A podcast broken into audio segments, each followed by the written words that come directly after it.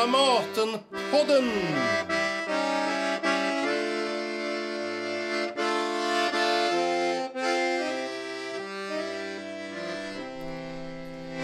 Det här är Dramatenpodden med mig, Anneli Duva. Och idag ska ni få höra ett samtal inspelat inför en stor publik på Elverkets scen.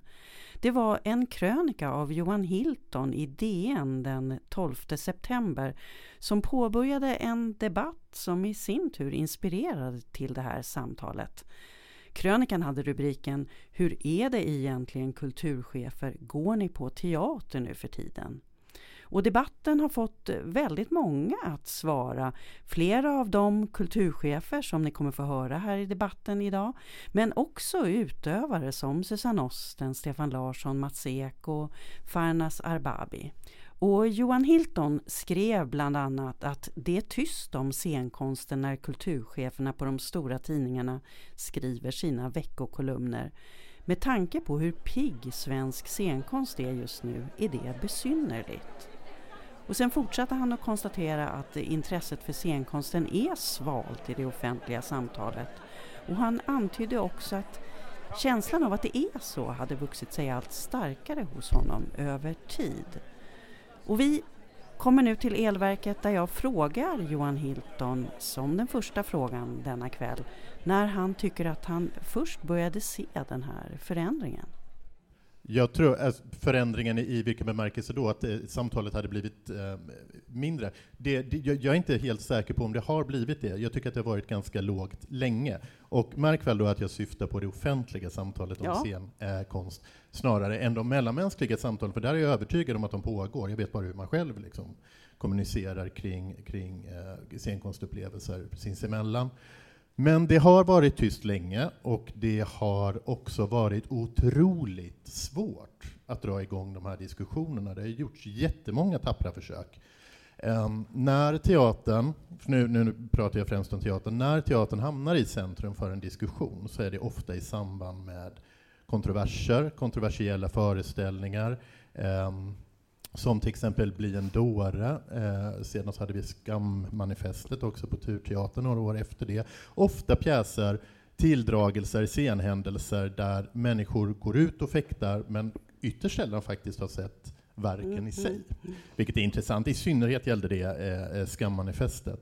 Sen har det gjorts eh, andra försök att dra igång eh, samtal. Karin Olsson har till exempel eh, drog igång ett samtal om eh, teaterkritik för några år sedan, som jag hakade på nu för inte så länge sedan.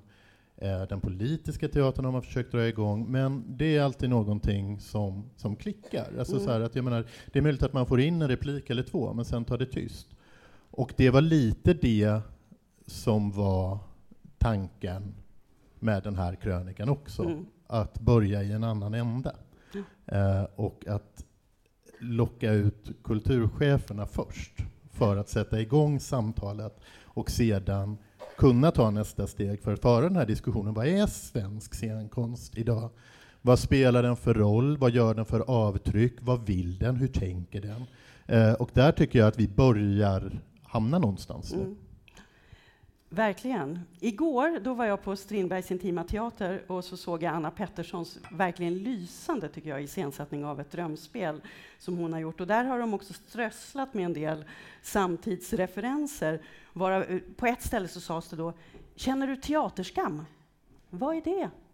Och svaret löd då, att man går för lite på teater som de ju hade lagt till. Och då tänkte jag att det är där vi får börja helt enkelt då med er, er kulturchefer som jag också nu ska ta och presentera här. Alltså, känner ni teaterskam? Kände ni er träffade när ni läste Johan Hiltons krönika? Om vi börjar, det här är Martin Ågård från Aftonbladet. Ja, alltså jag kan bara kommentera med att när vi nu rapporterade om att Dramaten har fått en ny chef så vinklade vi faktiskt på att så här, titta, en teaterchef som faktiskt går väldigt mycket på teater, mm. tyckte vår, vår skribent att, att uh, Andersson är väldigt känd för att vara intresserad av mm. andra teaterskapare och inte mm. bara sig själv. Så absolut, teaterskam är en faktor. Ja, det är klart man skäms, därför att det finns ju, alltså Johan har ju lyckats otroligt bra. Jag har inte sett en debattartikel flyga på det här sättet på, på evigheter och det är väl ett smart sätt att peka ut ett, en, en handfull människor som sitter här nu som skyldiga till att inte prata särskilt mycket om teater. Absolut, man känner skam därför att det förväntas att man i position av sitt ämbete ska besitta en viss bildning, en viss eh, kulturell resning som innebär att man ska ha full koll över hela fältet. Jag menar ju att en kulturchef idag omöjligen kan ha det och ska väl egentligen inte ha det. Eller ja, det ska mm. det väl inte. Vi får återkomma ja, till, till den fördjupningen. Vi, först vill jag bara ha frågan på det här med teaterskammen. Ida Ölmedal, kulturchef på Sydsvenskan. Mm. Om jag känner skam? Mm. Ja, men ja och nej. Um, jag går ju rätt mycket på teater i min egen region, men det är en, en speciell sak med scenkonst som, är, som gäller opera, ännu mer kanske, att det tar ett tag att bygga upp en liksom, bildning om det faktiskt. Så att, och även att odla teaterkritiker tar ett tag. Liksom. Så att därför tycker jag att man kan väl få känna lite skam mm. i att i min region är jag inte... Mm. Jag släpper hellre fram mina egna kritiker i debatter, därför att de har en längre historia. Så, mm. så det finns. Björn Werner, Göteborgs-Posten, Teaterskammen, hur är det med den? Ja, mm. eh, jag vet inte, det beror både och. Alltså så här, vi har ju, går ju evig, hela tiden. Jag, ibland känns det som jag, det enda jag gör är att vara på institutionsteatern eftersom de är så otroligt mycket bättre som sätts upp, sätts upp där. Men samtidigt är det ju också väldigt mycket småteater som jag absolut inte går på. Jag vet inte, det skulle jag väl kunna skämmas för, men man måste också sprida sina graser. Jag vet inte om, det, det är inte möjligt att gå på så mycket teater. Mm. Karin Olsson, Expressen. Ja, det är klart att uh, man hade kunnat gå oftare på teater, men jag vet inte om jag känner någon specifik skam. Det är inte så att jag, att, som att jag aldrig går på teater. Um, däremot tyckte jag det var lite uppiggande att Johan Hilton tillmätte kulturchefernas söndagskrönika en oerhörd vikt i det offentliga samtalet. uh, för det är ju inte precis de som brukar liksom få det här stora genomslaget, utan kanske ibland är en ganska trött form av uh, kulturkritik kan jag tycka. Mm. Så att jag tyckte snarare att det var upplivande på så sätt att det ledde till en självrannsakan kring i vilka former kulturchefen förväntas synas. Eh, och vi har lite hamnat i en kulturjournalistik idag där ja, man har massa specialister som tar hand om olika områden och sådär och sen så gör man tusen saker och jobbar hela tiden och sen ja, men så måste man ju skriva också. Mm. Och det har lite den här söndagskrönikan blivit någon slags bekväm plats så att man ändå fredar skrivandet en dag i veckan istället för att vara fullt ut som den gamla tidens kulturchefer som var livaktiga liksom, eh, kritiker mm. som recenserade litteratur ofta, recenserade teater ofta. Det gör inte vi idag. Vi gör det lite mer sporadiskt när vi har möjlighet och det är mm. nog liksom en ganska dålig utveckling, men speglar också hur medielandskapet har förändrats. Eh, så det var de tankarna framför allt som, som Johans eh, appell i DN ledde till eh, hos mig. Mm. Lisa Irenius, Svenska Dagbladet. Ja, nej, jag känner inte skam, för jag tycker att det, det, viktigaste för mig som chef är att vi på Svenska Dagbladet har en väldigt bra teaterbevakning, att vi skildrar konstformen på olika sätt. Och det gör vi verkligen. Och vi har ett teaterpris, Thaliapriset, eh, och, och tror jag ger teatern mer uppmärksamhet än vad många andra gör. Sen att just jag inte skriver så mycket om teater, eh, det beror ju på att det kanske är det jag inte kan bäst. Jag tycker ändå att man har ett ansvar när man verkar i offentligheten att tänka vad kan jag tillföra mest? Jag skriver kanske oproportionerligt mycket om fransk kultur till exempel. Eh, men det är för att jag känner att där har jag någonting jag kan tillföra. Och sen att jag också går på teater. Eh, jag tycker jättemycket om teater, det tillför mig mycket. Men det också finns, jag kan absolut hålla med att de här söndagskrönikorna kan man fundera kring som form. Eh, men, men det finns ju också en väldig förväntan från läsarna. Alltså min, min lojalitet är verkligen med läsarna och att försöka ändå belysa de frågor som är viktiga just då. Mm. Och om det faller sig så att nu har det varit en teaterpjäs som passar in perfekt i det, då hänvisa gärna till den. Men jag vill inte göra det bara för sakens skull. Nej. Eh, men, för, ni, ja, får jag bara skjuta in en sak till? Jo, men jag kände verkligen igen det här som Johan inledde med att säga, att när man försöker starta en teaterdebatt så ofta bara döden. Jag försökte starta en debatt för något år sedan om eh, den lama teaterkritiken. En upplevelse som jag hade att jag själv gick och såg en föreställning, blev ganska chockerad, eh, skrev om det och sen så läste jag de andras texter, så bara, har vi varit på samma ställe? Mm. Eh, men det, också, det fick någon sur kommentar, sen tvärdog det. Eh, Gunilla Brådrich, vår teaterredaktör, skrev härom veckan om Riksteaterns program. Väldigt kritisk text. bara totalt tvärdött. Riksteatern svarar inte, ingen annan heller. Vi har haft, alltså Riksteatern har faktiskt varit ganska återkommande på Expressens kultursida, att vi har kritiserat dem för den riktningen de har tagit. Men det är liksom, ja, och vi hade en annan debatt om Dramaten, om de här eh, performance lecture, heter de va? Mm. Ja eh, där vi hade kritik mot dem. Eh, ja, det är ingen som hakar på direkt. Det är mm. lite svårt. Men nu, nu, är ni så himla proffsiga och ni är så vana att vara i er roll. Så nu blir det genast kulturcheferna som börjar prata och prata mer så redaktionellt, och så, vilket vi också ska göra. Men det jag ville här idag, som en sak, är att också faktiskt få höra någonting om just ert förhållande till teater som personer, nu innan ni blev kulturchefer. Eh, så jag hade egentligen skrivit sådana här ja och nej-frågor, några stycken. Eh, och vi kan ju ta, alltså då, då var ju de väldigt basala. Då var det så här, som rubriken till Johans första eh, krönika var. Går ni på teater för det första? Ja eller nej? Ni har lite svarat redan nu, men om alla bara tar ja eller nej på den. Går ni på teater? Jag såg min sista, eller den senaste. Ja eller nej? Två år sedan var det, Hålet. Så svaret sen dess nej. Hålet ja. på Orionteatern. Mm. Två år, nej. Mm. Ida har redan sagt ja i och för sig. Hela tiden. Ja. Björn Werner? Ja, ja, ja. ja. Karin Olsson? Eh, ja, och jag har börjat gå mer de senaste två åren efter mina barn har blivit lite större. Mm. Eh, dessförinnan var det ganska skralt när mina mm. barn var väldigt små. Och Lisa Irenius? Ja, och ja. lite samma som Karin. Jag är faktiskt här senast i fredags, men det är också så att nu är min yngsta fem, jag har tre barn mm. som är ganska små, så det har varit några år där det har varit lite svårare att komma iväg. Så är det. Mm. Nästa ja nej-fråga. Gillar ni teater? Svårt att svara nej på den frågan faktiskt. Ja. Ja. Mm. Ibland, inte, inte alltid. Mm. Uh, ja, när det är bra. Mm. Lisa? Ja, instämmer. när det är bra. Det, det, är lite intressant ambivalens här tycker jag i de här. Jag, alltså, tycker ni att, det här är den sista ja och nej-frågan nu. Tycker ni att teater är intressant? Verkligen bara ja eller nej här. Mm. Um, Ja, ja. Även dålig teater är faktiskt intressant. Ja, precis som andra konstformer. Jag drar till med nja. Mm. Självklart. Ja, jag känner att det är svårt att svara nej på den frågan. Ja, det hade i och för sig varit intressant. Det hade varit nästan intressant. Jag får nästan lust att svara nej, men ja, ja jag tycker ändå ja. att det är intressant. Men vad har ni då för personlig relation till teater? Om ni går tillbaka i ert eget liv, vad har ni för tidiga minnen av teater? Eller har ni något riktigt starkt teaterminne? Och det här är alltså för att ni ska visa er som människor här. Vilken ambition, va? Mm. Lisa, du kan börja. Tidigt teaterminne, faktiskt Vår Teater. Fantastisk eh, organisation. Jag minns inte riktigt vad vi spelade, men jag minns väldigt tydligt eh, miljön. Eh, jag tror att jag var sju, åtta år, sådär.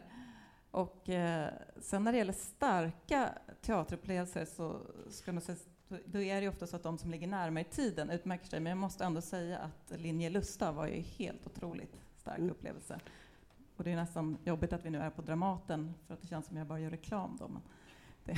Du får, du får ja, det. Får det. Ja, Karin Olsson, var... vad säger du? Om vi pratar tidiga teaterminnen så i mitt fall så utspelar de sig inte på en teater utan hemma i tv-rummet faktiskt. Um, på den tiden var det lite svårare att, att, bli underhållen som tonåring än vad det är idag. Uh, så då kommer jag ihåg att vi åkte iväg, jag och min bror, till Hörby bibliotek där vi, där vi bodde och uh, så lånade vi VHS-kassetter med teaterföreställningar. Uh, och då lånade jag uh, Kaos är granne med Gud och Natten är dagens mor av Lars Norén. Uh, jag lånade VD av Stig Larsson och eh, tittade på dessa om och om igen. De är helt fantastiska. Jag kan fortfarande se den unga liksom Reine Brynolfsson spela den här rollen i, i Lars Noréns eh, mm. föreställningar och de var väldigt skickligt gjorda. Så det för mig minns jag som en av de liksom, stora teaterupplevelserna och det mm. var alltså inte i teaterrum. Mm. Så det skulle säkert mer renläriga kanske döma ut att det inte har teaterns magi. Eh, men jag skulle säga att det var mina första kontakter med liksom, riktigt kvalificerad teater. Mm. Och de är då fortfarande dina stora teaterupplevelser. Det, går det ihop? De är både de tidiga och de stora, eller? Nej, jag, nej. Alltså, det är väl de tidiga. Mm. Sen har jag sett fantastiska föreställningar Mm. i, i vuxen ålder, självklart. En folkefiende eh, var ju otroligt bra på Stadsteatern. Mm. Som Alexander Mörk Eidem Ja, den var ju Ja. faktiskt en av de Mm. bästa jag sett Mm. de senaste sex åren, eller Mm. när den nu kan ha varit. Ehm, Ja, du behöver inte säga fler just nu. Ja. Kan, Björn Werner. Mm. Ja, tidiga temat, det jag tycker det är svårt. Jag kan inte säga att jag har det väl ett och annat ruinspel på Gotland sådär, men ja, det är inte något som har satt sig. Men jag vet alltså så här, det första som verkligen satte sig, som fak- faktiskt fortfarande lever kvar märkligt nog, eller kanske inte så märkligt, det är Vegard Winge på Hau i Berlin någon gång när jag var 22 kanske, som satte upp ett dockhem. Det var otroligt snuskigt. Alltså det Mm. var det skulle hålla på i nio timmar, stod det. Och eh, redan efter tre timmar hade nästan de tagit livet av samtliga på scenen. Och då började någon av dem kissa på scenen. Och någonstans där så tänkte jag, ah, är detta teater? Mm. Och så gick jag därifrån. Men sen dess har jag fortfarande ändå sökt den kicken. Den kom aldrig tillbaka. Ida Elmedal. Ehm, ja, men jag har ju också lite lantisbakgrund som Karin, så det var en ganska stor sak när väl Ehm, man fick se teatern, till exempel när Riksteatern kom till stan. Så jag har ett tidigt minne av Mattias Brunns eh, enmansföreställning Efter Fredrik, som jag fick se på gymnasiet. Eh, det var Riksteatern. Ehm, och jag tror att det som fångade mig i den var, alltså den handlar ju då om eh, ett par där den ena är hiv-smittad eh, och liksom död, eh, svek, sådär. Och jag minns det som att det slog mig ändå någonting unikt med själva konstformen som är liksom att den gestaltar det sinnliga väldigt Mm. liksom, eh, starkt. Det fick någonting där som jag inte fick i böckerna som annars var liksom min eh, hemvist väldigt mycket. Men om jag ska lyfta fram något skånskt eh, så såg jag nyligen eh, Susanne Ostens, eh, eller hon eh, satte upp en pjäs av en engelsk dramatiker som mm. vars namn Alice Birch, va? Yes. Eh, ett självmordsanatomi mm, i Malmö. Som, det är nog min starkaste upplevelse på sistone. mm. Eh, och det var också därför att den är så svår att, att spela och liksom det är ett väldigt skickligt hantverk. Eh, så den var hisnande på det sättet också. Mm. Martin Ågård. Eh, Mina tidigaste eh, upplevelser av teater, jag är ju uppväxt i Gävle och blev tonåring ungefär samtidigt som Peter Oskarsson etablerade sig där med Folkteatern i, Gävleborg och, och liksom importerade hela den här hopp och dans, flaggviftande teatern i timtal i de här gigantiska scenrummen, gasklockorna i Gävle. Och hans uppsättning av Stora Vreden där, som vi såg som tonåringar, satt och tuggade tuggummi och blev, antar jag, ganska bortskämda med bra teater då, Mm. för det var faktiskt rätt makalöst. Eh, Men sen som Karin säger också, de här SVT eh, teat- TV-teateruppsättningarna av Norén på 80-talet. Det var ju sånt vi snackade om på skolgården. Kidsen, vi stod och liksom rökte bara såg ni Sten Ljunggren bita huvudet av, av papegojan? de var, vi- vilket genomslag de hade. Mm. Och så det var tidiga upplevelser. Mm. Eh, vad var det mer? Ja, sen var det något i senare tid då. Men Ja, det, något senare. Mm.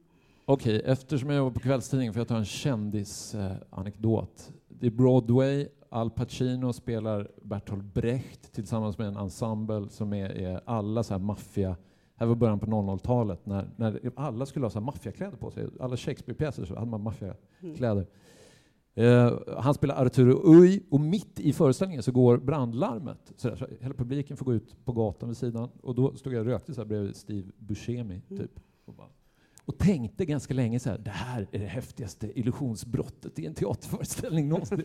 det, var inte det, det var ett riktigt blandlarm. Mm. Men det var kul. Men det var, ja, jag har haft starkare upplevelser på Dramaten bland annat. Börje Ahlstedt, typ några decimeter framför ansiktet, står och håller på med sina händer. Alltså Mm. sådana eh, grejer har också satt sig djupt. Skådespeleri, Mm. makalöst. Ja. Och, och Johan Hilton, då, du som till skillnad från de andra faktiskt har på något sätt valt teatern som ditt område. Hur ser dina tider, alltså vad har format dig? Varför blev Tidiga det teater? minnen. Ja, ja. Ehm, då skulle jag nog säga De tre musketörerna på Borås stadsteater 1983. Mm. Något sådant som min morfar tog med mig på. Mm. Och det var en otrolig upplevelse. Sen i efterhand har jag förstått att den var liksom så legendariskt dålig. Men, Mm. men, men det, det, jag älskade den som sexåring. Mm. Senare år, jag tycker det är jätte, jättesvårt Mm. att svara på vad som är... Vad som, så det börjar bli många nu. Mm. Jag kommer ihåg senast som jag var på teater och blev så riktigt glatt överraskad. Det är rätt länge sedan. Mm. Men då var det Ferdi Durke på Turteatern som jag verkligen tyckte jätte, jättemycket om. På senare tid, jag håller med, med, med, med Lisa här att, att äh, Linjelusta var en fantastisk äh, föreställning. Men det finns så många, alltså Christian mm. Lupas, The Factory 2, alltså det, det, det finns jättemycket. Mm. Ja. Eh, om vi nu flyttar in på redaktionen där ni jobbar idag, nu ska ni få bli eh, kulturchefer igen, som ni ville vara från början. Alltså hur ser ni då, hur bedömer ni scenkonsten i förhållande till det här totala uppdraget, till de andra konstarterna som ni också ska bevaka, där scenkonsten bara är en del. Hur, hur ser samtalen ut och hur ser ni på ert sätt att förhålla er till scenkonsten? Karin Olsson? Mm, ja, om man ser till hur mycket plats och resurser vi lägger på teatern så är det ju en av de, eh, ja, efter litteraturen, den mest prioriterade konstformen som vi bevakar. Uh, vi skriver väldigt lite om film, väldigt lite om TV, men vi har ju massor med teaterrecensioner. Uh, vi eh, bevakar väldigt mycket barnteater också, vilket ibland glöms bort i den här debatten, och är ambitiösa där. Sen ska jag väl säga att kanske mer sällan vi har längre texter om teater på det sättet som vi har, vad ska man säga, kulturdebatt, essäer och, och ibland längre essäer om litteratur. Det är nog mer sällan vi går på djupet så vad mm. gäller teater, utan där blir recensionsformen ofta mm. eh, det, vi, eh, det vi bereder plats för. Vad säger du Lisa Irenius som jobbar på en morgontidning? Ni har, det ser lite annorlunda ut hur, hur man fördelar bevakningen. Ja, att man inte delar på kultur och nöje på samma sätt nej, som på kvällstidningarna. Precis, för ni ja. har ju i Expressen så mm. har ni väldigt mycket filmrecensioner mm. men ni har inte på kultursidan. Mm. Uh, så att, nej, men vi har nog, jag skulle nog ändå säga faktiskt att vi satsar mer på teater än på film, alltså bio. Och, och egentligen så är ju det ganska märkligt eh, om man ska titta på hur kulturkonsumtionen ser ut så är ju egentligen teater en ganska liten eh, konstform för, jämfört med till exempel eh, litteratur, läsning ägnar sig de flesta mycket mer åt. Samma sak med museer, det är fler som går på museum och, och oftare än som går på teater, men museer skriver nästan ingenting om. Mm. Eh, så man börjar tänka så, så skriver faktiskt relativt sett väldigt mycket om teater. Och vi har ju då också, utöver att vi har recensioner, vi är också måna om att vi guidar, vi, eh, åtminstone digitalt så kurerar vi, försöker hela tiden guida till vad är det bästa och mest intressanta på svenska scener just nu. Och vi har ju också då intervjuer med eh, person, både skådespelare och eh, regissörer och bevakar, bevakar mm. som Men hur ser diskussionerna ut? Finns det åsikter om vilka, borde, finns det de som tycker att man borde göra mindre teater rent utav? I så fall om du tycker att ni gör så mycket? Nej, det finns inte någon som säger just det här teater borde vi göra mm. mindre av. Men det finns eh, däremot en diskussion i stort som gäller kritiken. Eh, recensioner överlag och inom alla konstformer eh, har svårare att nå ut digitalt. Det vill säga att när man ser vad digitala prenumeranter vad de läser så läser de inte lika mycket recensioner som de läser andra typer av artiklar. Mm. Och det är klart att det här funderar vi på och diskuterar och det, recensionerna och kritiken är en viktig del av kultursidornas verksamhet och vår uppgift. Och där, därför mm. är vi väldigt måna om hur, hur, vi kan bli så relevanta som möjligt för läsarna. Mm. Någonstans är det ju det, det som är, vi har ett uppdrag gentemot läsarna att vara relevanta för dem. Vem vill fortsätta nu? Jag började med så ja och nej, så det är inte meningen att det behöver gå fram raden, hela mm. raden fram och tillbaka hela tiden, utan fyll på den som vill. Jag kan fylla på ja, på, en lokal, eller på en regional tidning mm. så är ju teaterkritiken ganska viktig därför att det är någonting som faktiskt är rotat där vi bor. Mm. Och på min redaktion så går vi faktiskt rätt mycket på teater bara häromveckan var vi på teater nästan allihop mm. samtidigt.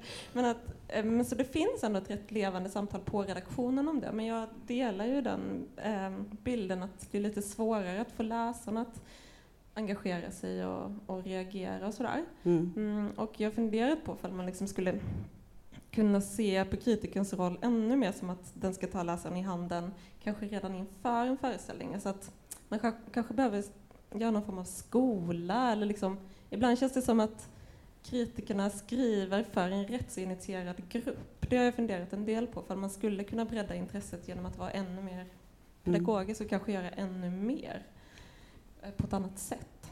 Där vill jag bara fylla i, för det där tror jag, tycker jag också är jätteintressant. Alltså så här, för att jag menar, det är en, det är en jävla balansgång alltså så här, att skriva kritik och vem man skriver för. Eh, och jag tror att man kommer kasta skit på, på kritiker oavsett hur man väljer att, att eh, eh, oavsett var, var, man lägger ribban för tilltalet. Jag vill fylla i lite om eh, för sig en lokaltidning ska väl säga att Göteborgs-Posten är, men likväl. Regional. Region, ja, du säger regional. Ja, ja, din är regional. Hur som helst. Jag tycker att det är tvärtom att eller inte tvärtom, så här när vi gör vår, jag upplever att det är en av, faktiskt en av de mest ganska vällästa och uppmärksammade kritikform på Göteborgs-Posten. Delvis kan ju det bero på att ingen annan tidning är där. Eh, så dels är det så här, vi har ett stort ansvar att ta de små teatrarna, också när vi tar de stora teatrarna. Sen, framför, inte minst när vi snodde över en väldigt eh, hård kritiker från Aftonbladet så har vi faktiskt också märkt liksom att det går ganska bra ifall man har kritik som tar teatern på allvar. Mm. Inte stryker den medårs, också på lokal nivå så får man till ganska, kan man få till ganska hårda och spännande meningsutbyten, till och med med teatern. Mm. Så det finns absolut potential i teaterkritiken mm. fortfarande, mm. Men med modiga då, kritiker också. Jag måste få återkomma till dig när du ändå är på tråden här, för du skrev ju i den här debatten att du tyckte att den här frågan om man går på teater eller inte var felställd från början. Alltså, du, du skrev om en reaktionär impuls att vilja försvara kulturen. Och så jämförde du med reaktionerna efter att SVT tänkte skrota Inga-Lill Mosanders litteraturbevakning i går kväll. Så skrev du att man kan riskera att hamna i ett läge där själva konstformen blir viktigare än prestationen. Ja, men det är lite det som Lise egentligen pratar om, fast mm. kanske lite mer eh, svulstiga ordalag, mm. det vill mm. säga om man bara tittar på, alltså så här, det är å andra sidan av det. Vi tittar på recensionerna, de funkar inte. Ska vi då fortsätta göra dem bara för att det sitter eh, skådespelare och vill att vi verkligen ska recensera varje pjäs? Om inte en enda människa läser de här texterna, då måste vi ta oss an det på ett annat mm. vis. Det är också det som Ida är inne på. Alltså jag tror lite, teaterkritiken har ju liksom, är faktiskt en av de mäktigaste kritikerformerna, så att det, läsarna har ju oftast ett väldigt direkt intresse. En dålig recension Dagens Nyheter är en stor smakdomare. En dålig recension eller en bra recension i Dagens Nyheter kan ju faktiskt fälla en föreställning mm. ganska rakt upp och ner. Se till att det inte säljs några biljetter eller spä på och se till att den får en säsong till eller någonting. Så på så sätt är den väldigt viktig. Och vi på Aftonbladet har ju problemet att vi är en rikstidning. De som ifrågasätter teaterkritiken, vi har en väldigt ambitiös teaterkritik. Vi har en dedikerad teaterredaktör, vi har mm. inte en dedikerad litteraturredaktör. Eh, men det finns alltid folk som ifrågasätter sånt eh, och då är ju frågan hur mycket vi ska bevaka Stockholm egentligen. Mm. För mycket bra teater görs här, men våra läsare kan inte se den. Omöjligt. Ska de åka hit från, från Järvsö eller Haparanda mm. för att se den? Johan Hilton. Nej, men det där skulle jag också säga är Mm. Hallå, ja, nej, men det mm. skulle jag också säga är ett av i alla fall på Dagens Nyheter, ett av de här båda stora dilemman, det är mm. hur mycket man täcker resten av landet. Mm.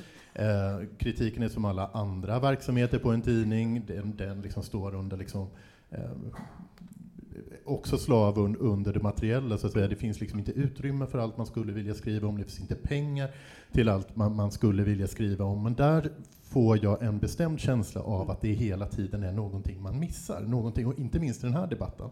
Att det är någonting som, som pågår där ute som vi kanske inte har fått syn på mm. ännu. Och, och, och det, det, det, det beror delvis på det. Sen vill jag bara säga också liksom att, att menar, vi, vi täcker de stora regionerna. Uh, men men det, det, det, känns fortfarande emellanåt som att, att man kommer gå... Ja, alltså det är någon karriär som tar fart där ute som man skulle vilja ta del av från början. Mm. Karin Olsson, du viftade. Ja, men det är faktiskt lite fascinerande att den här debatten om eh, teaterkritiken och bevakningen av scenkonsten är så centrerad kring vi, eh, liksom i dagspresssfären. Um, som fortfarande tar det liksom absolut största ansvaret, om du ska kalla det så, för teaterbevakningen. Du nämnde här SVTs Go'kväll. Mm. Hur ofta går SVT på teater? Hur ofta recenserar SVT teater? Ganska sällan. Um, teaterprogrammet i P1 lades ner när du slutade, Anneli. Mm. Um, och jag försöker lyssna nu på Kulturnytt på morgnarna. Hur många har de egentligen som recenserar teater?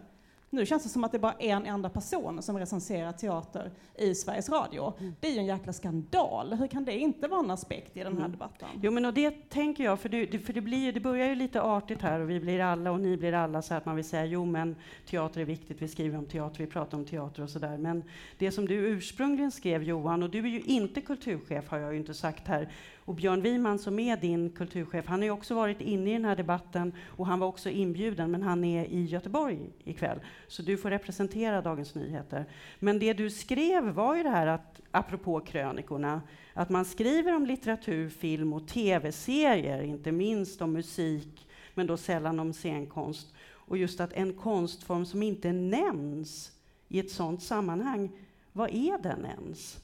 Så att vi lite kommer tillbaka till, eller vill du säga något mer ja, om det? Jag, jag, jag vill säga någonting, ja. någonting jag tänkte på, på som, som, Lisa sa tidigare och som jag tycker är ett symptom på det, att, mm. att välja att inte skriva därför att man känner att man inte har kunskapen. Mm. Det är inte så man behöver använda teatern eller föreställningen du har sett, liksom. mm. alltså i, i ett samtal om det. Och det är det samtalet, vill jag, om jag får precisera mm. det, som jag också är ute efter, att det är en självklar referens i ett mm. kultursamtal. Eh, att kunna gå vidare ifrån långdagsfärd mot natt på Göteborgs stadsteater och gå in på opioidkris. Alltså, jag menar, det, det, finns liksom, det finns potential att använda teatern också som språngbräda. Vi... vi använder litteraturen ja. väldigt ofta i det, men vi väljer, väljer av någon anledning att inte göra det med teatern eller med konsten. Ja, men varför då? Det är väl det som är den men... intressanta frågan här. Varför är det så? Varför kopplar man inte teaterkonsten, scenkonsten Nej. till de andra konstformerna? Varför dyker den inte upp? Lite här och där när man resonerar kring sin samtid. Ja. En del i, i Johans ja. initiala text var ju där frustrationen över att allt som skrivs om teater är inlåst i recensionsformatet och recensionsformatet kan ju vara lite enformigt. Mm. Det, det, det, alla recensioner påminner på ett eller, sätt, ett sätt eller annat om varann. Och då, jag tror svaret är ganska enkelt. Varför litteraturen har liksom en sån överhöghet som kulturuttryck är för att många författare, eller författare är skrivande människor. De skriver kritik, de skriver om litteratur, de pratar om litteratur. De gör det på, på väldigt många olika sätt, förutom att skriva böcker. I, inom teatern är det inte samma sak. Alltså, vi skulle gärna välkomna teatermänniskor som skribenter, som kan skriva om sin konstform, som kan skriva om andra konstformer, som bara är liksom en profil. Vi har sett svenska filmare som har varit sådana profiler. Roy Andersson har skrivit en försvarlig del debattmaterial. Ruben Östlund har gett ut lite här och där. Alltså, men var, var är teatermänniskorna som syns och hörs i offentligheten, som är en röst? Ja, men och som ges plats, för då kan jag ju säga min ja, upplevelse... De är hjärtligt välkomna. Jo, men alltså att så tycker jag ändå att det, det kan jag säga från min långa redaktionella erfarenhet, att det var svårare att sälja in ett stort teaterevenemang Titta på Bergmanfestivalen, titta på scenkonstbiennalen eller vad som helst. Det bevakades inte alls med samma självklarhet som man alltid skickar flera personer till filmfestivalen i Cannes eller till Bokmässan i Göteborg till exempel. Det, ju, det måste ni väl alla känna igen, att det är så? Eller? Nej, alltså, in, inte helt faktiskt. Jag, jag, tycker vi bevakar många. Vi bevakar teaterträffen i Berlin. Det är mm. inte många tidningar mm. som gör det. Så att vi har en väldigt eh, ändå bra bevakning av teaterevenemang, det, det måste jag säga. Eh, sen tror jag att man måste ändå ta den större frågan. Jag tror att det blir också, jag kan vända mig lite mot att, det är så att vi är så pass få personer, när man tittar på våra krönikor, så är det också lite ja, det blir lite slumpartat. Men ibland så är det så att det är teaterchefer som på, om jag tittar på Svenska Dagbladet, mina föregångare, så har det varit någon teaterchef som har kommit från teatern som teaterkritiker. Han skrev mycket om det. De andra gjorde inte det. Och det är samma, nu var det nyligen så var det en teaterkritiker som var kulturchef på Uppsala Nya Tidning. Eh, så att det kan vara lite att hur det faller sig. Men jag skulle ändå säga att det, det, finns ju en större utveckling för teatern i samhället idag som ändå är intressant att titta på. Och tror jag, jag utgår från att alla som är här idag är väldigt engagerade i, i teatern. Och, och eh, för oss som är det så är det en oroande utveckling att det är den konstform som ändå, om man tittar på de senaste 30 åren, som går ner när det gäller vad folk går på. Och tittar man på, man kan tro ju att det är så för alla konstformer, att det blir det är bara färre och färre som bryr sig om kulturen. Så är det inte för konstutställningar. Fler och fler går på konstutställningar. Fler och fler går på konserter, klassiska konserter också.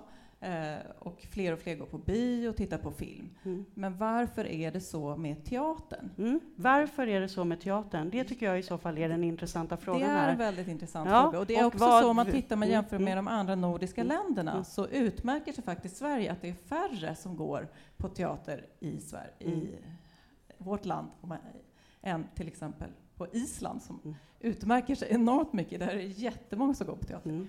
Men Johan Hilton, har du något att säga om varför det möjligen kan vara så här, eller någon teori om detta? Nej, men man kan ju tillägga då att ur ett europeiskt perspektiv, perspektiv så är teatern eh, ofta bland de första konstformerna som man ser till att börja kontrollera. Det ser vi både i Ungern och det ser vi i Polen också. Så att jag menar, samtidigt liksom på, på en europeisk nivå så anses ju teatern fortfarande vara en central konstnärlig kraft som mm. man också vill betvinga i någon bemärkelse.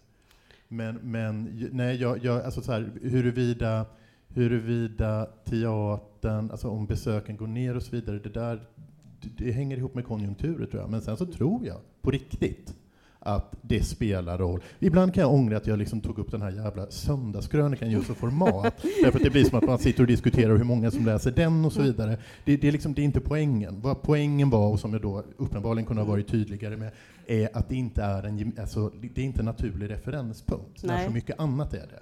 Och där tror jag det, det, tror jag är ett kvitto både på att uppenbarligen så är vi kritiker då också misslyckats med att entusiasmera folk. Men sen tror jag också att Ja, nej, jag vet inte vad jag tror. Ida Ölvedal. Jag tänkte bara på en annan aspekt av samma mm. sak som du säger. Är ju, jag var en av få som faktiskt såg den här pjäsen Jihadisten som gick i Göteborg. Och det blev ett enormt rabalder om den utan att nästan någon hade sett pjäsen. Och så tänker jag att det sällan är med någon annan konstform. Att man tillåter sig att ha så starka åsikter utan att liksom ha tagit del av verket. Och såg man sen väl den pjäsen så fanns det ju saker att diskutera om så här, vem är mottagaren, eh, hur, liksom, hur mycket har man egentligen jobbat med gestaltningen? Är det som att man inte vill tillåta oss att komma för nära den här personen som blir terrorist? Mm. Alltså det fanns jätteintressanta liksom, frågor om hur man eh, praktiskt, eller liksom hur utförandet var. Eh, men dit kom aldrig debatten därför mm. att ingen hade sett pjäsen. Mm. Men det är ett lysande exempel vill jag bara ja. säga på ja. den sprängstoff som, som teatern ändå sitter inne med som ganska ensam ja. eh, konstform att skapa just den uppmärksamheten och den nästan rädslan inför ett konstnärligt verk. En, en ytterligare aspekt då, det är kanske alltså för att apropå det du säger Ida, det är också så här, till skillnad från nästan alla andra konstformer som vi har att konsumera idag, så är ju teater det enda som är geografiskt bundet. Det vill säga, jag kan inte med fördel, jag kan inte prata om häxakten än, för jag har inte sett den, så då kan inte jag hoppa in i det samtalet och därför så kanske jag samtidigt som kulturchef då, skrivande kulturchef i Göteborg, inte i första hand tar mig an en pjäs på Stadsteatern som jag att ingen annan här har sett och ganska få av eh, någon annan kulturdebattör mm. i Sverige har sett. Varför ska jag slänga in det? Det är ju liksom, då, då är det ju en död debatt från början för att ingen annan vet vad jag pratar om. Fast jag håller verkligen inte med. Alltså, det, det, mycket av det vi säger om teater nu gäller i högsta grad bildkonsten också. Ta Anna Odells kända konstverk som debatterades sönder till trasor innan hon ens var färdig med sina videofilmer, som var det egentliga konstverket. Eh, och, bild, och bildkonsten är också ofta väldigt geografiskt bunden. Men jag känner, alltså får man peka lite anklagande finger mot, mot teatervärlden också? Mm. Ni ja, varsågod. Menar, det, det är någonstans som att det saknas ett självförtroende eller finns en något stark narcissism inom teatern som gör att vi, ja, vi saknar verkligen de här offentliga teaterpersonerna som kastar sig över samtiden offentligt. Mm. Alltså de högröstade, var är liksom teaterns Lars Vilks som liksom maniskt bloggar om och alla möjliga samtidsfenomen och mm. tycker till om allt. Varför, varför finns inte de människorna i teatern? Jag måste nu få citera dig, för du skrev, du uttryckte det ganska drastiskt i, i, i ditt svar i den här debatten. Scenkonsten är idag oerhört vital, men ingen verkar bry sig. När jag själv för mer än tio år sedan skrev mina sista teaterrecensioner stod svensk teater stilla och vaggade på hälarna, bekväm, mätt och trist. Nu kastar den sig över samtiden. Det finns en undertext i Hiltons krönika som man säger på teaterspråk, nämligen att dagens kulturchefer inte är tillräckligt bildade. Och det gör såklart ont att höra. Kulturchefer är en yrkesgrupp som sätter stor ära i att vara just bildade. De humanistiska ideal kulturcheferna fostrats i, som sätter teatern i högsätet, är ett arv från 1800-talets framgångsrika borgarklass som försökte särskilja sig från allmogen och aristokratin med sina goda vanor. De lyssnade på musik under tystnad, skrev romaner om sina liv, anlade trädgårdar och såg pjäser som skildrade hur fruktansvärt jobbigt det är att tillhöra en framgångsrik samhällsklass. De ägnade sig åt allt det där du behöver känna till för att få höga poäng i SVTs kontrapunkt. Det var ett bildningsideal som arbetarrörelsen gjorde till sitt och det skulle bli långlivat, inte minst tack vare den socialdemokratiska kulturpolitiken. På många sätt var det storslaget. Men dagens mest framgångsrika samhällsklasser har skaffat sig helt andra vanor. Teater är ointressant för samtidens expansiva digitala medelklass. Maratonlöpning är en betydligt större dygd i scenkapitalismen. Mm. Japp. Mm. Har du någon är inte det här om, lite fördomsfullt också? Men du får det, säga om vi ska prata ja, bildningsideal, ja. För, alltså bild, det, det, vi idag har sett, eller det vi under 1900-talet sett mm. som liksom ett klassiskt bildningsideal var ju egentligen vad vi idag skulle kalla lifestyle, en lifestyle-fråga för liksom 1800-talets borgarklass. Uh, och dagens, men så är det, liksom. den framgångsrika medelklassen idag har skaffat sig uh, helt andra kulturella vanor, och tror jag lämnat teatern på efterkälken. Mm. Och vi som engagerar oss i teater, eh, att jag yttrar mig så tvärsäkert om teatern, kan fråga, frå, många frågar sig hur kan du göra det när du inte ens går på teater? Jag, jag läser. Mm. Jag försöker läsa mycket teaterkritik. Och jag har förstått, jag kan inte svära på det, men jag har förstått att dagens teater är väldigt samhällsengagerad och det känns mm. så. Men det är ju vi som faktiskt delar de här något äldre humanistiska idealen, då man ser den kulturella bildningen eh, som meningsfull i sig. Att vi ser att vi liksom kan spegla oss i varandra genom att gå på en teaterföreställning. Mm. Och det tror jag är helt ointressant för, för dagens framgångsrika samhällsklasser. Mm, för du fortsätter sen, jag tänker att det ska ni få bemöta här, att uh, du tror att det här handlar om något så simpelt som politik, att kulturjournalistiken sedan tio år tillbaka är kidnappad av ett nytt kulturbegrepp, av ett pågående kulturkrig ett före och ett efter Anders Bering Breivik. Nu gör jag citattecken i luften. Och där skulle alltså inte kulturen i sig då kunna hävda sig längre. Är det, är det vad du menar? Men nu vill jag egentligen att de andra ska få, få, få kommentera det, så kan du också få komma tillbaka. Känner ni igen er alls i den här, i den här beskrivningen? Eller är det bara Martins åsikter detta? Eller om ni skulle bemöta det? Karin Olsson? Jag tror möjligen att uh, Martin Någon har rätt i aspekten att bildningsidealen har förändrats i, i uh, den övre medelklassen uh, utan att ha något forskningsrapport som, som bekräftar detta. Men jag ledde för en tid sedan ett samtal mellan Leif Sern, teaterkritiker på Dagens Nyheter, och Maria Edström, teaterkritiker på Expressen, tidigare Sveriges Radio. Där, de, där Sern menade att det fanns liksom en tid för några decennier sedan när ja men om det kommer, om det sattes upp en ny föreställning av pin, liksom Pinter, då skulle man gå som liksom övre medelklass i Stockholm eller Göteborg eller Malmö. Då skulle man gå. Det var liksom en, en självklarhet. Uh, men det är inte det längre. Det kanske är viktigare att ha sett då, inte vet jag, senaste säsongen av Handmaid's Tale om man är den här gruppen så kanske att teatern har tappat liksom, status eller inflytande i den gruppen som tidigare liksom, var någon slags kärnpublik, mm. möjligen.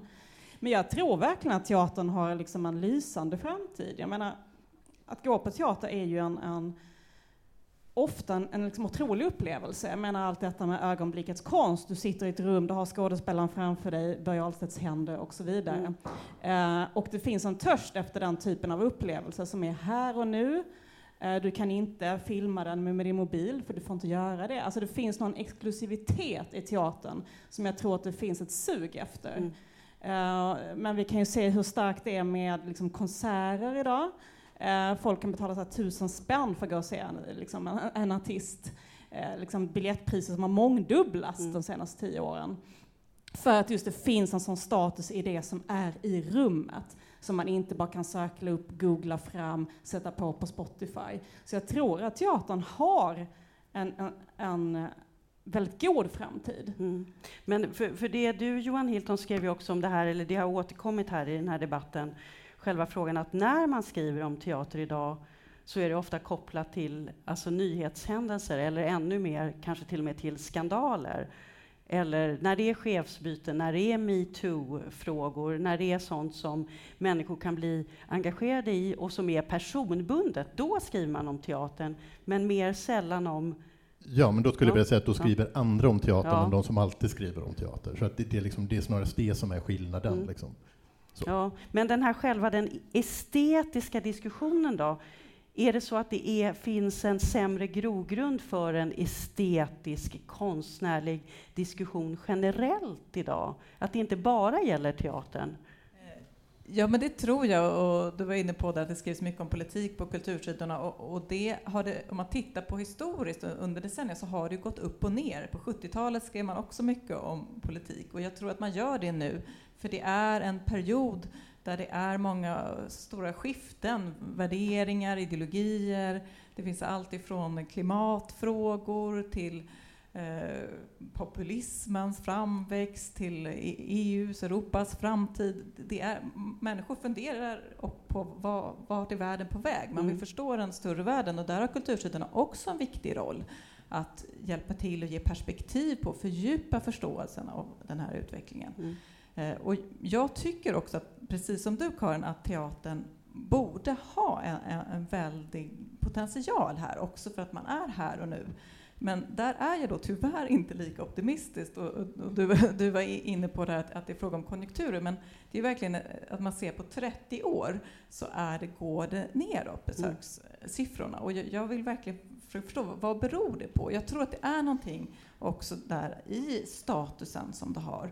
Eh, och då pratade jag också med Benny Fredriksson om, som också var verkligen bekymrad över det, den bildade borgerligheten. Varför är det inte viktigt för den att gå mm. på teater längre? Och man kan också se att det är just bland höginkomsttagarna som att det faktiskt sjunker mer. Mm. Och där, det gäller eh, kultur, jag, inte bara teater utan också statusen för kultur i samhället i stort.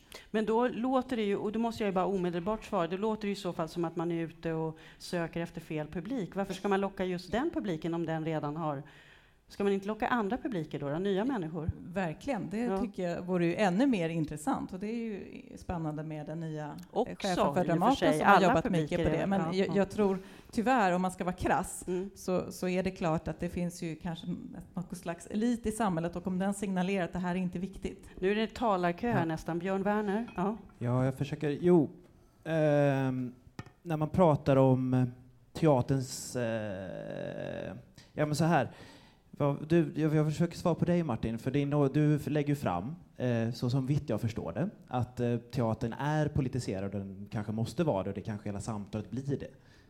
Ungefär. Eh, har jag förstått det rätt då? Eh, ja, men alltså den, det finns i alla fall en våg av teater som är intresserade av samma frågor ja. som vi debatterar på kultursidorna och den, eh, jag tycker det bara ja. är positivt. Och jag tror faktiskt att det är, det var ungefär det, för jag tror inte det är så positivt faktiskt. Jag tror så här att det är ju just det som gör att det till exempelvis inte är så meningsfullt för någon som vill se, ge sig in i en kulturdebatt att ta sig an en pjäs. För när pjäser försöker finna sig själv i samtiden så tar det åtminstone ett halvår ungefär från att en pjäsidé kläcks till att pjäsen sen sätts upp. Men så snabbt som det, liksom, det politiska samtalet rullar framåt så är ofta en pjäs, till exempel när man ska driva med Donald Trump, ett år senare känns den direkt fånig. En pjäs om Greta Thunberg, som jag är säker på kommer upp på Göteborgs stadsteater åtminstone inom ett halvår, kommer kännas ganska trött, antagligen redan då, för att vi pratar om någonting annat. Alltså, det är svårt för teatern att hinna med och vara så rotad i det, liksom, det lilla samtalet. Man måste nog våga hitta stora känslor igen snarare och liksom hitta det uttrycket, snarare än att vara en ytterligare samhällskommenterande instans, tror jag. Men håller ni med Björn Werner om detta? Har inte det med produktionsformer att göra? Skulle man inte kunna göra teater på olika sätt? Man, göra man, teater som går snabbt? Man alltså kan ju fundera, eh, vad är det som mm. gör att vissa mm. föreställningar når igenom bruset och plötsligt är i alla kulturkrönikor? Till exempel har Teater Galeasen lyckats väldigt bra med detta. Eh, Vår klass skrev ju alla om. Eh, Hamlet med Trump-referenser letades också in precis överallt. Eh, det var ju det, liksom, båda var ju fantastiska föreställningar. Um, men jag vet inte om det också är någonting i den teaterns sätt att arbeta för att nå ut som skiljer sig mot andra. Jag vet inte, men det känns som att Galeasen har varit väldigt skickliga för att få genomslag för vad de gör. Där låg det också i en skyhög konstnärlig kvalitet skulle jag säga. Verkligen. För att det, är liksom, att, att det rörde sig inte om ämnet, utan det rörde sig om paketet och som nådde långt bortom ett, ett debattämne. För jag, jag, jag, jag, kan delvis hålla med, med Björn och delvis kanske jag också säger emot mig själv när, när jag hävdar att, att det är så väldigt synd att teatern inte så sällan numera används som, som en given referens. Eh, för samtidigt lika tröttsam är naturligtvis debattteatern, liksom, som inte har någonting annat eh, värde än, än, än att lyfta en fråga. Men sprids det liksom inte en nidbild av den här debattteatern? Mm. när har ni liksom senast sett den mest simplistiska enfrågeföreställningen? Hem, Hemsöborna Stadsteatern, Östnöjen står och gör stand-up på det med SD. Det är otroligt tråkigt. Mm. Men det är ju hans stand-up-föreställning ser ja. ut ungefär så. Varför ska den vara på Stadsteatern i Göteborg? Varför inte? Jag antar att det, kan du ha dragit någon annan publik än den ordinarie? Eller? Nej, jag tror inte. Du skrattade inte en enda gång? Nej, och det är inte för att jag inte gill, det är inte för att jag inte tycker snöjen, men det passar inte där. Nej, men jag, jag, tänkte bara apropå det som vi berörde förut med kopplingen till, till verkligheten och verkliga händelser så har Jonas skrivit en intressant artikel i Point of View där han menar att framgången för Linje Lusta delvis har att göra med att den faktiskt kom så väldigt rätt i tiden, att den sammanföll med det stora intresset för Dramaten och för allt som då pågick på Dramaten. Sen kan man ju diskutera, för man har ju sett, om man har sett uppsättningen så tycker alla jag har hört i alla fall att det är en, en väldigt bra uppsättning. Men det är klart att det kan förhöjas, att det kan kännas... Men också därför ja. att det är en, en föreställning som släpper nervositeten mm. eh, i att vara absolut samtida mm. och istället bara bjuder på någonting helt annat och kör mm. på. på um, på, bygger sin egen lilla värld, så, så, att säga. Men hur, hur ser ni på det här nu då, när ni sitter i era roller och ska fortsätta att bevaka kultur, konst och kultur? V vad tänker ni? Vill ni rekrytera nya teaterskribenter? Och vad har ni i så fall för krav på dem? Eller är den tiden redan förbi, att man inte ens bryr sig om det? Ja, Karin? Mm. Ja, man, man, måste ju rekrytera dem för att de kommer inte frivilligt, om man mm. säger så. Men vad har du för önskemål då på dem då? Hur ska de vara? Um, jag kan säga att under de här åren som jag varit uh, kulturredaktör på Expressen, jag vet inte om man kan hör verkligen till ovanligheten att någon hör av sig och vill skriva om teater. Så det handlar snarare om att man själv får kasta fram de nya skribenterna. Mm, den personen skulle, skriver, skulle möjligtvis kunna fungera, så testar man den. Så vi har ju liksom ett, har haft ett ganska intensivt arbete att hitta nya teaterkritiker och skola in nya teaterkritiker. Och vi har också rekryterat Maria Edström från Sveriges Radio Eh, så att det är liksom ett väldigt idogt arbete för att hålla uppe kompetensen och hålla uppe energin. Men det är, det är väldigt redaktörsstyrt alltså. Det är ingenting som, som sköter sig självt. Och vi kan säga att DN har jobbat på samma sätt. Man plockade in Jakob Lundström som tidigare hade skrivit om film eh, och som nu skriver om teater. Så jag ska säga att kultursidorna anstränger sig ganska mycket för att hitta de här nya rösterna och så. Och jag tror också det behövs. Eh, för att kritiken ska hålla sig vital.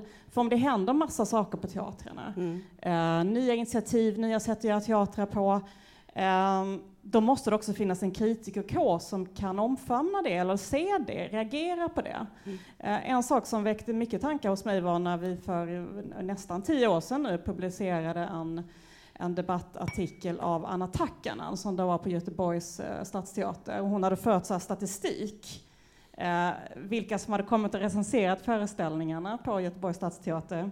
Och eh, det var ju ganska förfärande siffror. Både gällande könsbalansen, att det var så manligt dominerat då, jag tror inte att det skulle ha samma siffror nu, men det var liksom verkligen mansdominerat. Och det var i en tidning, jag minns inte vilken, jo men det var DN tror jag. Det var så här, av 46 föreställningar, så var 41 så var det samma kritiker som hade kommit. Mm.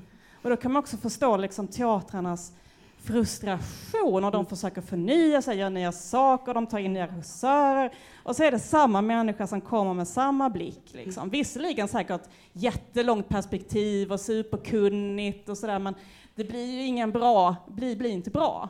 Nej, så att, och så det, så det, är inte rättvist mot ja. den kritiken heller som ofta är utposterad då, liksom, alltså i en av de här städerna, liksom, att man koncentrerar så väldigt mycket makt kring den personen. Eh, men vad, vad, Karin säger är, är, väldigt intressant, därför att det där, det där känner jag definitivt igen. Nu har jag skrivit om teater i 15-16 år, och eh, det, det, var ett av de här stora misslyckandena som, som teaterredaktör faktiskt när jag jobbade på Expressen. Det är liksom att det var så svårt att odla fram och hitta nya, nya begåvningar som mm dels höra av sig, men dels också att, att, att hitta dem. Liksom. Alltså så att vara kritiker idag, eller vad, jag önskar av en kritiker idag, det är också en kritiker som är kommunikativ kring sitt område, som faktiskt inte är rädd att gå in och lyfta olika debatter eh, kring vad som händer på scenerna och, och eh, och runt om dem. Och där, där upplever jag att det finns, som Farnas Arbabi skriver om idag ja. i, i DN till exempel, att det finns ett glapp där.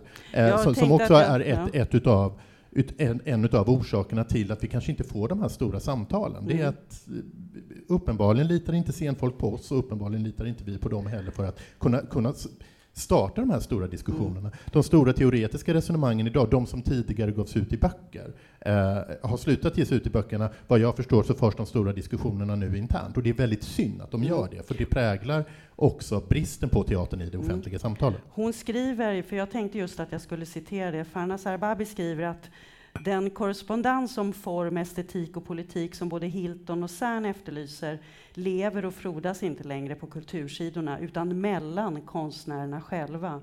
Vi tänker inte offentligt längre, skriver hon. Men det är ju bara frågan, ska vi gå med på det?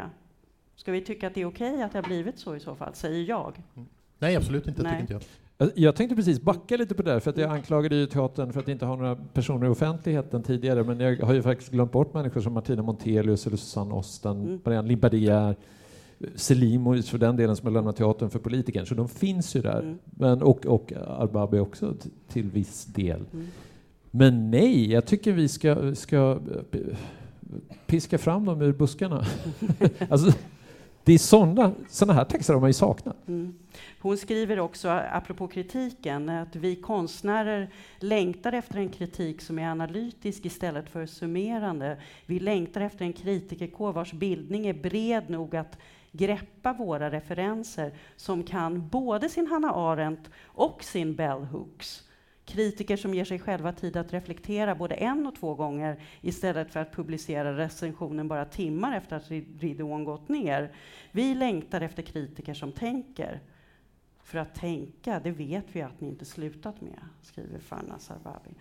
Men, eh, men där då, då blir det en sammanblandning, för jag menar det här med hur många timmar man har på sig att skriva till exempel, och så, det är ju inte kritiken själv som, som önskar att göra det så fort. Eller hur? Nej, och det är också skillnad mellan en recension som du ofta vill ha in dagen mm. efter, helt enkelt därför att det finns ett intresse för det, mm. eh, och de kanske bredare eh, större resonemangen kring, kring en scenkonstupplevelse. Mm. Det, det, är väl, det, alltså, fan skulle jag säga nu då? Um, nej men, nej men det, det, är, det är faktiskt en av de där grejerna som, som jag själv kan vara självkritisk kring. Mm. Som alltså hur mycket man återvänder till en föreställning eller till en teatertrend eller vad det nu kan vara, mm. en tendens liksom alltså inom, inom, inom samtida svensk scenkonst och återvänder till den och faktiskt fördjupar den. Mm. Där, där kan vi generellt sett alla bli lite bättre. Tror jag. Karin Olsson? Ja. Jag håller absolut med på att man, att, med att man kan oftare ha fördjupande texter som inte bara är recensionsform. Men det kanske är så att vi ska experimentera lite ibland. Att vi kanske till och med ska testa att inte ha några recensioner och göra på något annat sätt någon gång för att se om man kan utveckla formen ibland för att få till stånd en annan typ av samtal än den liksom snabba recensionen. Mm. Eh, men jag tycker också vi måste komma faktiskt också tillbaka till det som jag försökte plocka upp men som bara föll ner utan att någon reagerade. Vi behöver också prata om vilka forum vi har eh, att använda till detta. Alltså dagspressen kan inte ta hand om alla dessa former. Alltså, vi har begränsat utrymme, vi befinner oss i en mediekris, eh, vi kan inte härbärgera precis alla format hela tiden. Mm. Jag menar, varför lade Sveriges Radio ner sitt teaterprogram? Varför har man så få teaterkritiker? Varför har eh, eh, SVT så lite fördjupande teatersamtal? Mm. Jag menar, de har nio miljarder att sätta sprätt på. Kan inte de bjussa på lite fördjupning? Mm. Lisa Irenius. Jag instämmer helt med dig, Karin. Det är ju verkligen en skandal, som du påpekar, att mm. public service inte gör mer. Eh, men sen skulle jag ändå vilja eh, lyfta fram, för nu pratar vi mycket du, om vad teatermänniskor i debatten önskar sig av kritiken och vi pratar om vad vi på tidningarna önskar oss av teatern. Mm. Eh, men också vill lyfta fram läsarna i det här. Och det, ni kanske jobbar med teater, det är några av er som är här, men ni kanske också är teaterintresserade personer, att ni gärna hör av er till Svenska Dagbladet om ni läser Svenska Dagbladet eller den tidning ni läser med tankar kring vad ni önskar om, om kritik. För det, det, måste jag faktiskt också säga att jag eh, kan uppleva att det är större engagemang från läsarna kring litteraturrecensioner till exempel. Och att det är alltid värdefullt med mm. återkoppling. Men det som hör ihop med det här, det är ju också själva dramatiken. Det vet jag att jag själv många gånger har varit ute och sagt. Varför recenserar man inte dramatik? Varför skriver man inte om dramatik som är en av de tre ursprungliga litterära genrerna faktiskt sen Aristoteles tid? Och det vet jag att du Johan också har, har många gånger Ja, nej, men alltså det, det, det har jag försökt lyfta ja. flera gånger under min korta sejour som, som förlagschef så ja. var det också en av de där medvetna grejerna som jag satsade på mm. som jag visste att vi aldrig skulle få tillbaka pengarna mm. för. Um, men, men att det någonstans måste finnas där. Och nu, nu är liksom nu är jag inne i någon slags fas överhuvudtaget när jag just liksom så beställer mycket gammal dramatik via antikvariat. Mm. Liksom.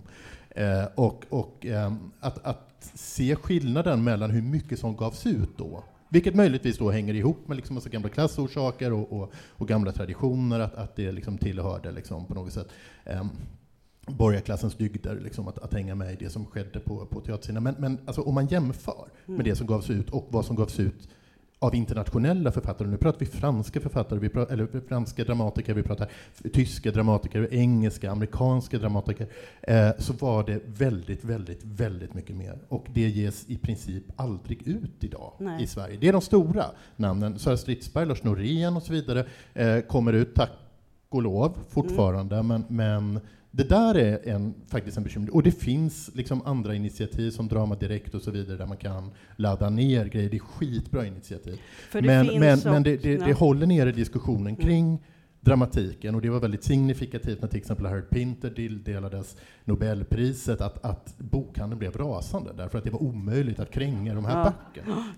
Men eh, för det skrivs ju väldigt mycket bra dramatik idag. Jag menar, nu recenserade du Karin Olsson, du recenserade teater här i helgen.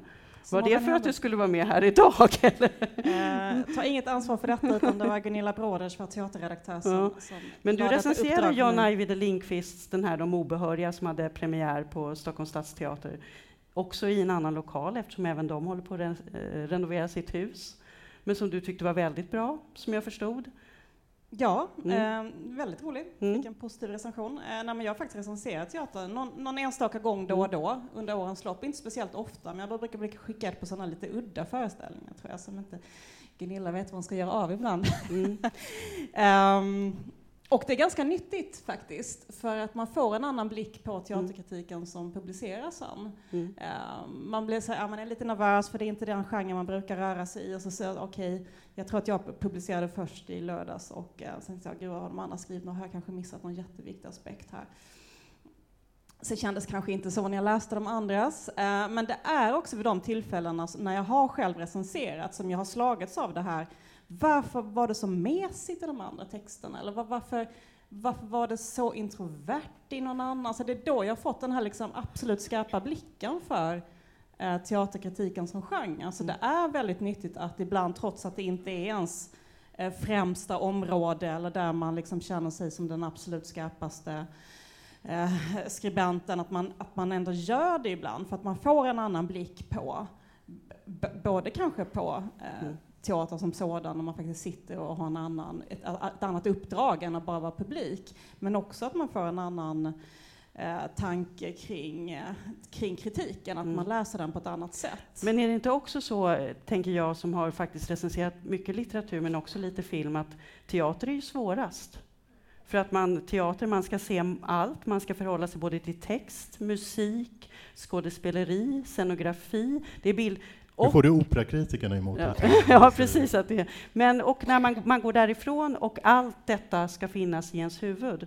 En bok kan man alltid sitta och läsa, man kan läsa den en gång till om man tyckte att man missade något första gången. En film går också oftast att få fram en kopia så man kan titta på den igen om man tyckte att man missade någonting. Ja, en, annan, en annan sak som försvårar är att man befinner sig i den direkta närheten med liksom, på en premiär så, så, är ju regissören där och det är kanske den som har skrivit eh, pjäsen och man liksom sitter där bredvid dem och står bredvid och dricker kaffe. Mm. Alltså det blir en väldig intimitet. Um, när jag intervjuade vår Björn Nilsson-pristagare, vår kulturjournalistikpristagare Kerstin Geselius som fick priset nu senast, så sa hon att en anledning till att hon slutade med teaterkritik var just att det blev för intimt, det blev så jobbigt. För när man som hon också recenserade mycket film så var det fanns en sån skön distans. Eh, det var ofta liksom utländsk film eller någon regissör man aldrig hade träffat. Med teater, man sitter i samma rum, man ser människorna framför sig, man kan liksom se fysiskt hur de sliter och svetten lackar. Att det kräver en otrolig integritet mm. av kritiken. Ja. Björn Werner. Ja, men det är väl apropå att rekrytera ja. kritiker ja. så handlar det inte bara om att rekrytera utan också att sen backa dem. För det är just det att eftersom det är, man då ändå har en ganska så hård roll som kritiker och som du säger Karin, man möter liksom de här skådespelarna.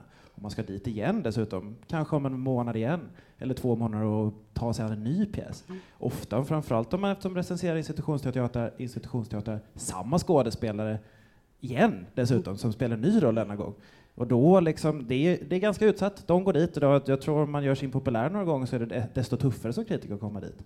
Att då som kulturchef här då verkligen erbjuda en trygg famn är nog det är kanske en av de viktigare sakerna att tänka på här skulle jag säga, när man tar sig an kritikerna. Mm.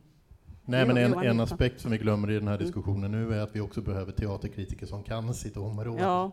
Som, kan, eh, som kan sin teaterhistoria, som kan sin eh, samtids och den klassiska dramatiken, som kan de olika teaterskolorna eh, och, och, traditionerna. Eh, jag, jag, tycker att teaterkritiken väl är för viktig för, för att det blir liksom någon form av all, alla kan-känsla, för det kan, mm. det kan man mm. faktiskt inte. Och, och, i vissa fall så är det väldigt eh, tydligt.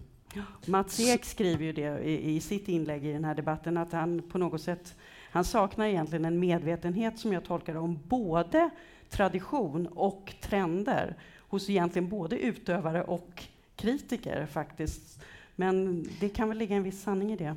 Mm. Det är klart att Johan har rätt i att, att vi måste ha oerhört kompetenta teaterkritiker. Mm. Uh, och att det är en absolut grund. Och det är därför också vi så uh, idogt försöker rekrytera och, uh, och hitta den där kompetensen mm. och förnya den. samtidigt kan man ju se på litteraturkritiken där det har funnits en större öppenhet. Där det kommer kanske fram en ung människa som skriver några bra texter och som man märker är har en bildningsiver och formulerar sig väl. Ja, men testa, här är en bok, testa, skriv igen, skriv igen, skriv igen. Och till slut plötsligt så är de eh, litteraturkritiker. Men för teatern finns en sån oerhörd respekt som inte ens Lisa Irenius vågar recensera teater. Alltså, mm. eh, och, och, så fort man gör det så får man en liten så här sur släng, men du kan väl inte tillräckligt mycket om teater? Mm. Så det finns en sån här väldig liksom man ska ha sån oerhörd respekt för denna konstform så man får nästan inte släppa in någon. Mm. Jag tänkte också på det när vi äh, släppte in i en debatt Ulla Cassius mm. äh, ganska nyligen som skrev scenograf, om, ja. scenograf mm. som, som skrev om att ingen förstår varför Linje Lusta är så bra. Alla skriver att den är jättebra men ingen förstår varför. För då måste man skriva om scenografin och allt detta. Alltså ibland kan kännas den här redovisningsplikten liksom döda lusten i teaterkritiken och det ska man nog akta sig för. Och vi måste få släppa in unga människor som inte varit eh, på, på liksom 1500 teaterföreställningar. Och då skulle jag vilja återkomma till P.O. Enquist som brukar säga något sånt att ja, jag hade bara varit på teater två gånger eller kanske en gång innan han blev teaterkritiker i Expressen. Mm. Eh, och sen som, som sen skaffade sig bit för bit en oerhörd bildning på området och blev en av våra mest framstående dramatiker. Mm. Eh, jag menar, någonstans måste man börja och vi måste också våga låta eh, oerfarna personer börja testa skriva teaterkritik. Mm. Jag kan hålla med om det, verkligen att allt, all sån form av revirpinkande brukar inte bli bra. Och det är lätt att glömma att, att eh, den teaterkritik och den kulturkritik vi har idag är ett, med, med hög journalistisk integritet, som den ändå har, ett hyfsat nytt fenomen. När jag själv fick mina första kulturredaktörsjobb början på 00-talet, slutet på 90-talet, då hade jag seniora kritiker, medarbetare som på all, största möjliga allvar menade att de bästa recensionerna av Operans föreställningar, de skrivs i logen efter föreställningen i samarbete med skådespelarna. Alltså du har en, en, total upplösning mellan kritiker och, och scen som var... Som, det, det, det, det, gör inget bra för konsten. Var detta i Gävle? Det här var i Falun. Jag kan säga en sak Seth Karlsson i salig åminnelse. Han var kompis med Jussi Björling. Han var en, en fantastisk medarbetare, men hans syn på kritikerns uppdrag var ju att för jag tror inte att, den är hjälp, i stort. Hjälpa teatern, mm. hjälpa operan på traven mm. i samarbete med hela scenen. Och det, den men, det... men det jag kan tycka nu, för nu, vilket inte är så konstigt med tanke på att vi är den grupp vi är här, så blir det ändå att det hamnar i kritiken och det är intressant och det är en aspekt. Men egentligen var jag ju ute också efter det här med det vi började med, alltså varför lockar inte teatern? Varför blir det så sällan en bass kring teatern? Och vi har berört det lite grann, men om vi skulle komma tillbaka till teatern nu och, och sluta där. Vad, vad vill ni se på teatern? Vad har ni för längtan efter att få se på teatern? Kanske något som finns som ni inte har sett, eller något som ni inte har sett som ni drömmer om. Jag tycker att det som teatern har som gör den unik är just ändå de existentiella frågorna. Jag tänker bland de starkaste föreställningar jag har sett är i Lodjurets timma av P.O. Enquist på Dramaten. Och jag tänker att det kan ändå hänga ihop, att det finns i debatten är det generellt också ganska ont om utrymme för just debatt om existentiella frågor. Liksom. Så man kanske inte behöver bli så ängslig för att det inte blir stora liksom, kultursidor kring en bra föreställning. Utan man kanske ska ta vara på det som, man är, eh, som är ens unicitet. Mm. Nej, jag tycker verkligen att Ida har, mm. har fullkomligt rätt. Och sen mm. kanske man också får nöja sig med, med att det blåser upp en strid emellanåt. Liksom. Och det är liksom det här vad, vad, vad, jag hoppas att liksom, alltså den här debatten som sedan förhoppningsvis kommer fortgå nu under hösten, det är ju just det där som man aldrig hör från, från, eh, från, från scenfolk helt enkelt. Mm. Vad vill ni? Vad, vad, vad längtar ni efter? Vad, vad strävar ni efter? Vad vill ni ge oss som publik? Att, att, att, ställa, att ställa frågan hur ni, vill ni förnya er, det kanske också var, det, det, det är hårdraget. Men, men jag, jag vill hoppas bara att man kan återigen etablera eh, scenkonst som, som någonting att kommunicera kring mm. i bredare bemärkelse. Jag tror att teatern är fullt medveten om vilka utmaningar och problem den har. Det är inte riktigt första gången jag har den här debatten. Man vet att man når en viss målgrupp. Man vet att är man geografiskt placerad på Östermalm har man problem att locka eh, en teaterpublik som man kanske vill locka och, och, det här är ju någonting som processas hela tiden i, i teatern. Eh, jag vill ju se mer av det som du inte vill se. Jag, jag vill se monologer skrivna på tre veckor och snabbt uppförda som kommenterar samtiden. Eh, en lite mer gränslös, mindre allvarsam och eh, ja, men vill man inte, förlåt att jag bryter in nu, men är det inte så att man vill se många olika saker på teatern? Precis som inom alla konstformer. Är inte det också ett problem när man diskuterar teater, att man behandlar det som om det är ett begrepp? Teatern är också en värld av genrer, det brukar jag upprepa ofta. Men det glöms ju lite grann bort när man pratar om den, eller? Självklart. Jag, jag skulle vilja bara nämna en sak här som faktiskt har hänt och det är liksom radioteatern har ju faktiskt en sorts boom nu. Hela podcastvärlden har ju i, i vissa delar, det här utspelas i USA mm. såklart, de ligger längst fram. Och okej, okay, ja, Tyskland också. Att, att, att, att man gör radioteater i, i form av podcast som är jättepopulärt.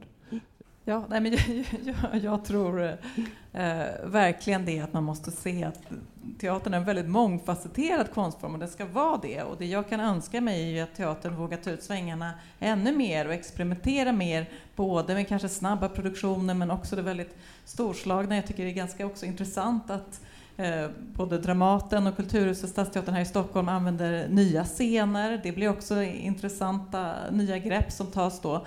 Och jag tror att det här är en utmaning som ju gäller många konstformer, även tidningarna, att det är en väldigt hård kamp om människors uppmärksamhet idag med digitaliseringen, mobilerna, sociala medier och att man måste fundera på, är det dags, vi har pratat om recensionsformatet, behöver man utveckla det? Finns det nya sätt att nå fram och, och diskutera de här frågorna? Mm.